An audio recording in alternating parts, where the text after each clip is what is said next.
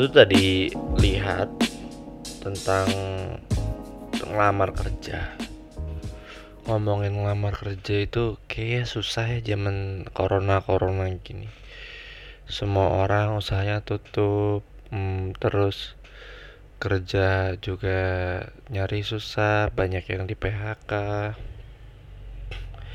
gue tuh hmm, beberapa bulan yang lalu sempet yang namanya ada kepikiran ngelamar CPNS sampai akhirnya gue nggak jadi ngelihat apa ya persyaratan dokumennya banyak banget. Gila. Kerja aja belum bos. Udah dokumen mulu yang dikumpulin. Emang dulu gue melakukan itu cuman setelah makin ke sini gue ngerasa hmm, dokumen yang diperluin kok nggak ada hubungannya contoh kalau CPNS tuh ada TOEFL, ada identitas diri kayak KTP, KK, terus keterangan kelurahan, keterangan tempat tinggal, terus apalagi ya eh, SKCK sama kalau nggak salah apa sih itu namanya? Surat kesehatan satu lagi TOEFL. Nah kenapa maksud gue si dokumen-dokumen ini kurang penting atau nggak nyambung gitu loh dan ribet? Kenapa? Kalau ngomongin ini coba ngomongin dari awal ya. TOEFL mm, mungkin lo butuh orang yang sedikit banyak bisa bahasa Inggris entah itu writing atau listening atau reading uh, terus kalau misalkan surat keterangan apa ya surat keterangan tinggal dari RT RW lurah itu itu buat apa sih? Emang kalau KTP doang nggak cukup ya?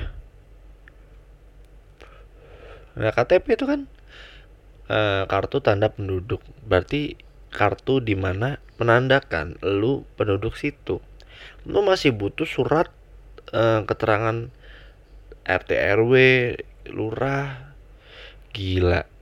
Itu double loh fungsinya sama. Buat apa coba? Buat apa? Biar lurahnya ada kerjaan. Apa gimana? Gue nggak ngerti nih asli gue nggak ngerti. Terus eh, satu lagi apa tadi? SKCK surat keterangan catatan kepolisian. Isinya itu tentang lu melakukan kriminalitas atau enggak lo percaya gue deh. Nggak tahu ini ini ini survei gue kecil-kecilan ya. Orang yang disuruh ngumpul-ngumpulin SKCK gue yakin eh nggak nggak sebagian besar cuman eh sorry nggak se, nggak semuanya cuman sebagian besar si dokumen SKCK itu dikumpulin buat ini loh. Lu tuh menandakan emang kerjaan lu cemen aja lu bakal jadi level itu seumur hidup mungkin. Gua ngerti. Emang apa ada masalah apa dengan SKCK gue pernah denger ada ini nggak cerita tentang Indonesia ngasih gelar duta Pancasila ke yang nggak bisa Pancasila? Terus ngasih duta sampah buat yang buang sampah sembarangan. Ya ini kan orang-orang ini kan ngaco kenapa jadi dapat duta? Terus satu lagi ini uh, kalau lo pernah lihat ada hacker yang ngebobol situs pemerintahan kemudian dia ditawarin kerja jadi PNS di pemerintahan tersebut. Ya kali ini dimintain SKCK nggak udah nggak lolos dari awal. Ini yang gue pertanyakan. Eh sebenarnya yang lu butuhin itu skill atau dokumen. Ini dua hal ini beda ya. Maksudnya ini nggak bisa disamakan antara skill dengan yang catatan kriminal tadi misalkan. Apalagi sekarang banyak kasus yang UITE UITE itu kan bisa jadi mungkin ada orang sebel terus dilaporin masuk penjara. Ini come from nowhere si UU ITE ini kalau lu kena kasus itu. Karena cuman bukan cuman ya bisa jadi ada yang fatal ada yang enggak. Ini ini moral baik ke, ke polisi moral tadi. Jadi ketika misal kayak contoh yang gue bilang UU ITE pernah menjerat seorang ibu yang kerja sebagai guru honorer terus dia eh, melaporkan bukti berupa rekaman video terkait tingkah mesum kepala sekolah. Dia di penjara. Nah kalau ada yang ngaco yang kemarin yang Ferdian Paleka UITE ada video tentang ngeprank bencong dikasih sampah sama batu di penjara. Ini come from nowhere kita nggak bisa tahu justifikasinya apa nih UITE ini. Terus gimana kabar orang-orang yang dikasih rekrutan tiba-tiba sama uh, negara langsung? Gue yakin itu juga nggak diminta SKCK kenapa sih? Maksudnya semua persyaratan itu berbelit-belit dan cenderung ribet untuk hal-hal sepele bahkan logikanya CPNS ya. CPNS itu kan menerima yang di level awal bukan level bos Oke lah kalau level bos mungkin gue masih bisa memaklumi SKCK karena kan uh, image dari suatu pemerintahan atau negara itu ketika orang yang menduduki di situ nggak punya integritas itu juga cukup berbahaya. Cuman kalau misalkan levelnya cuman pegawai kelurahan, lu minta SKCK buat apaan? Dan bahkan ya kalau gue bilang sorry ya bukan mendiskreditkan bisa jadi pegawai kelurahan lu lulusan SMA atau SMP aja bisa cuma ketik-ketik doang kerjaan rutinitas. Bisa. Terus uh, persyaratan-persyaratan itu kan mungkin ya ini gue masih bilang mungkin. Gue bukan merasa percaya diri gue berbakat atau seharusnya bisa dapat uh, free pass atau uh, eh, VIP land. Enggak bukan itu gue cuma mikir kira-kira dengan adanya persyaratan itu berapa banyak orang jenius yang tidak jadi direkrut oleh pemerintah? Yang karena mungkin dia nggak punya catatan kriminal. Kan terus juga ada catatan eh kok catatan? Surat keterangan kesehatan. Ini kan dia besok sakit kan kita juga nggak tahu. Kesehatan itu bisa berubah-ubah sekarang sakit besok sembuh dan orang-orang jenius itu suka ngerasa aduh ngapain sih surat-surat kayak gitu kan? Gak usah lah. Kita aduh aduh skill yuk yuk yuk. Gitu loh. Pasti mereka akan berpikir kayak gitu. Lu butuhnya apa? Hukum ya lu cari aja lawyer yang jago lu rekrut. Lu butuh audit. Cari ya memang pengalaman auditnya udah di mana-mana. Yang di swasta kan udah jago-jago EY itu kan jago orang-orangnya kenapa lu nggak ngerekrut ngerekrut yang memang sudah punya pengalaman yang oke harus kayak ini lucunya ya kadang ada yang suka disamakan dengan yang pemula yang sudah punya pengalaman. Itu kayak apa ya nyamain balap lari anak balita sama Usain Bolt. Terus lu disuruh tes CPNS nggak bisa lah. Beda itu. Jangan jangan melulu kayak gitu. Terus maksud gue kenapa ya pemerintah tidak menghilangkan itu kan sebenarnya salah satu birokrasi yang ribet ya kayak gitu-gitu itu. Kan kasihan pemerintahnya sendiri kalau isinya orang-orang yang tidak kompeten orang-orang blow on kasihan. Gue nggak bilang semua tapi bukti nyata lu pernah lihat ada iklan di TV kan yang salah satu partai di Indonesia partainya sempat dapat kursi presiden RI yang selalu bilang saya anti korupsi, saya anti korupsi, saya anti korupsi.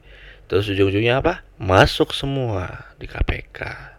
Tidak terkecuali. Mungkin presidennya enggak ya, Pak SBY enggak. Eh, sebut nama.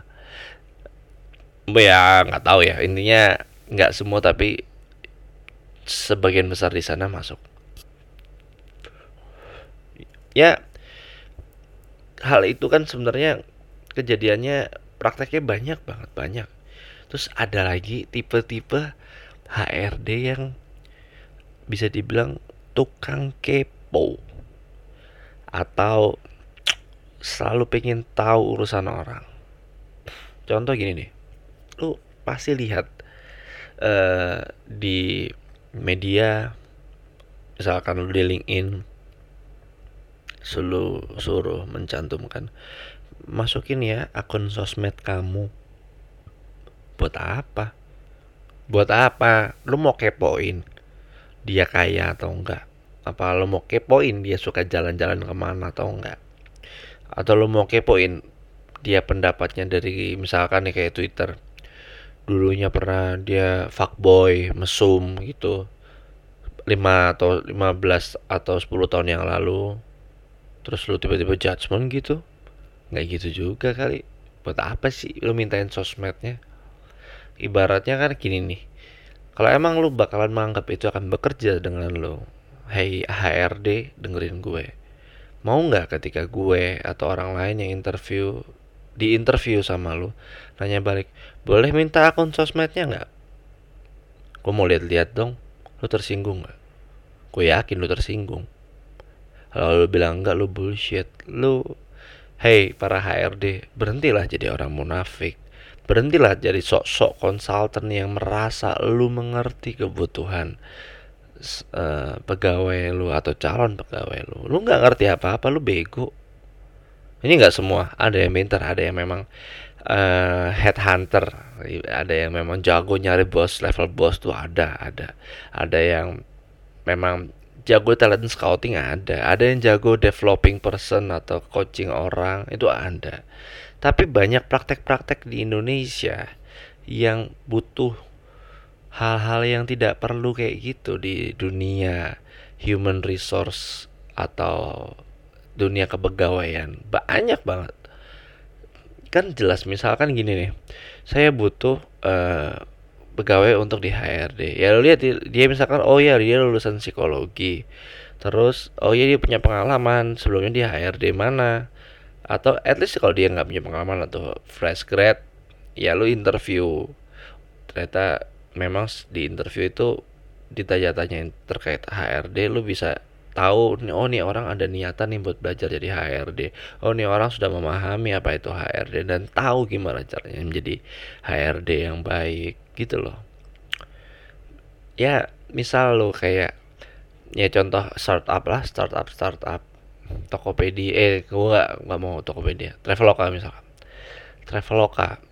Misalkan Traveloka uh, Mas minta SKCK dong.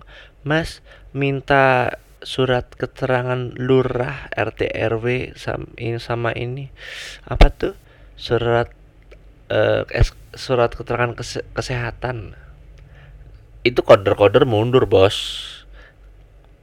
Nah ini ini ini praktek ya. Maksudnya ada yang bagus ya Traveloka itu. Gue pernah punya temen yang hmm, secara umur di bawah gua dua tahun tapi satu angkatan dia keterima di sana karena memang dia jago bukan karena tes-tes kocak itu eh bukan tes malah syarat administratif yang kocak yang lebih ke arah nggak nyambung gitu loh jadi jangan heran ketika nih gua di kantor gue yang lama dulu ya ketika masuk gue menemukan banyak sekali onggok-onggok sampah yang jadi karyawan dengan gaji tanpa kontribusi apa pun.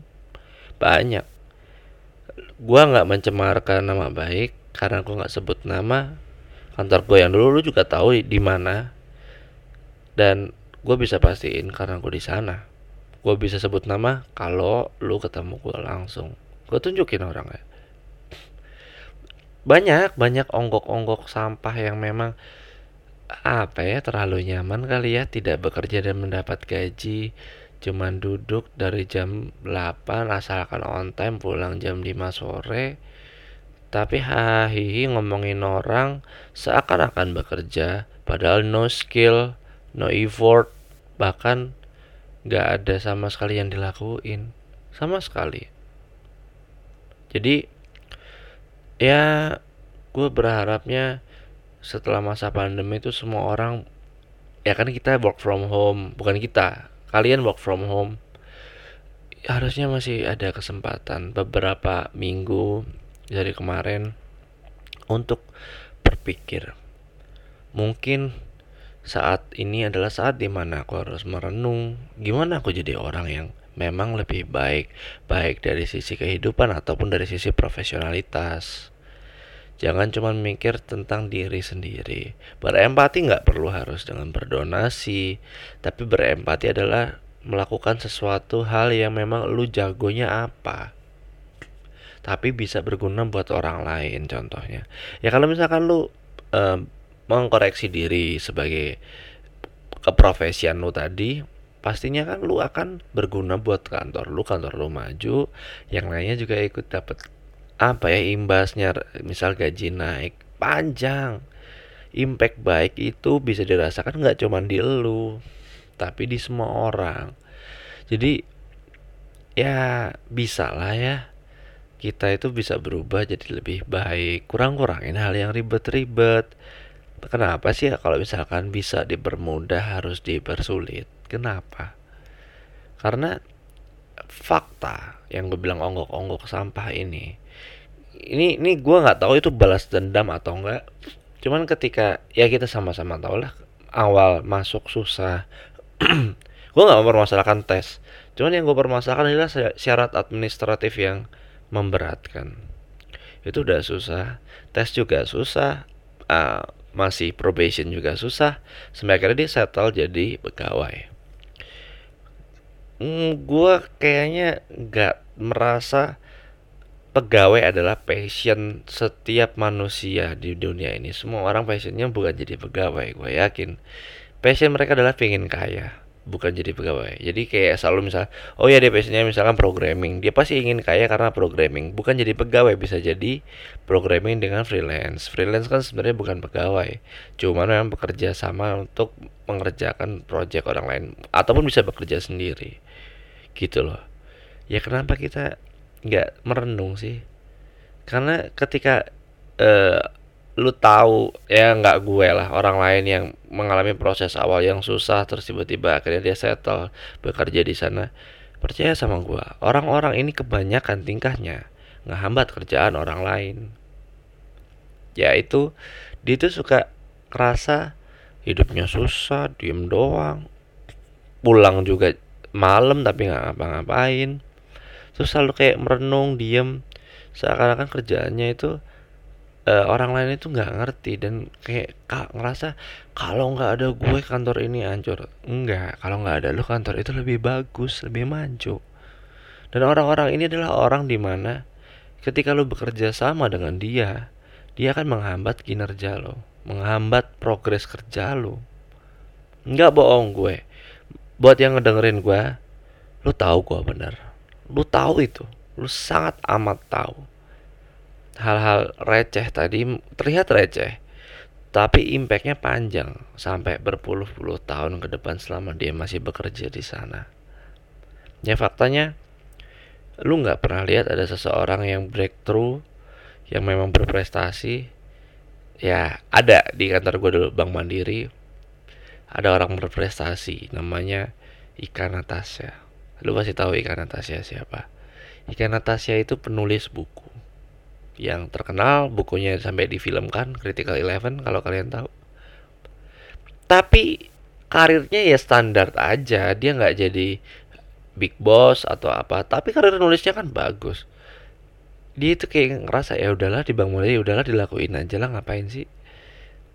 Sampai akhirnya dia memikirkan kayak itu kayak dia ngerasa oh ya gue jago di situ atau mungkin dia masuk di sana karena menyenangkan orang tuanya karena kerja di BUMN semua keluarganya bangga kita nggak tahu. Tapi yang jelas dia tidak bercita-cita untuk menjadi pegawai bank. Itu sudah pasti melihat segimana gokilnya dia ketika membuat buku jadi bestseller segala macam.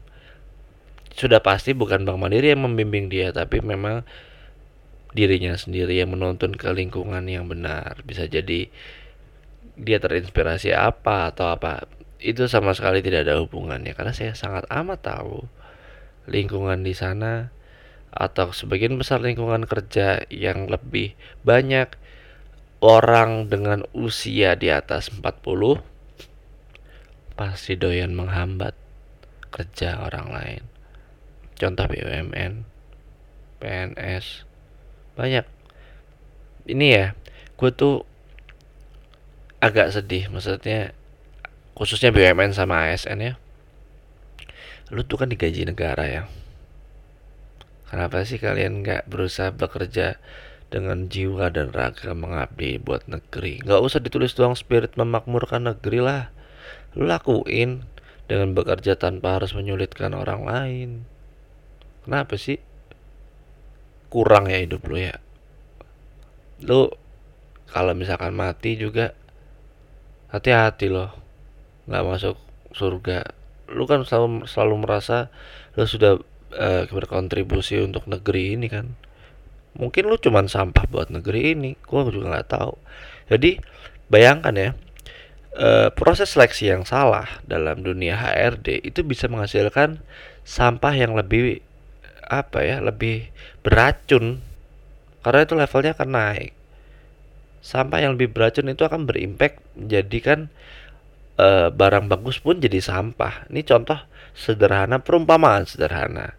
Ada makanan enak, pizza enak, pizza dengan ya pizza baru lah, pizza yang lu baru beli dari Gojek atau pesen uh, pizza delivery. Sebelahnya ada pizza busuk.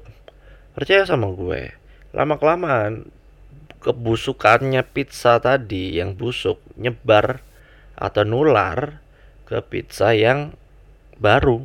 Nggak mungkin nggak. Ya sama. E, bahkan ketika di dunia kerja ketika sebagian besar nggak usah sebagian besar katakanlah setengah atau sepertiga populasi di sana atau pekerja di sana toxic. Toxic itu dalam artian bukan bacot ya tapi kinerjanya toxic. Percaya sama gue manusia-manusia baru yang datang akan ikut toxic. The only way itu riset memang. Makanya ya gue nggak tahu. Gue cuma berusaha menghubung-hubungkan ini asumsi. Kenapa orang-orang atau siapa pun yang membuat corona itu pasti berpikir di mana new normal is the only way to cleansing the population. Atau memang memusnahkan orang-orang yang tidak guna. Eh, gue nggak ngerti, gue cuman berpikir ke sana. Nggak tahu tiba-tiba aja. Ya bisa jadi kan ya bisa jadi enggak juga sih. Jangan semua dipikir satu arah ya. Karena sisi dari suatu wujud itu banyak. Karena kan dia bukan benda satu dimensi atau dua dimensi tapi banyak dimensi. Ya mungkin terkait hal ini dari gue segitu aja. Jangan lupa dengerin gue yang lain. Stay safe and bye bye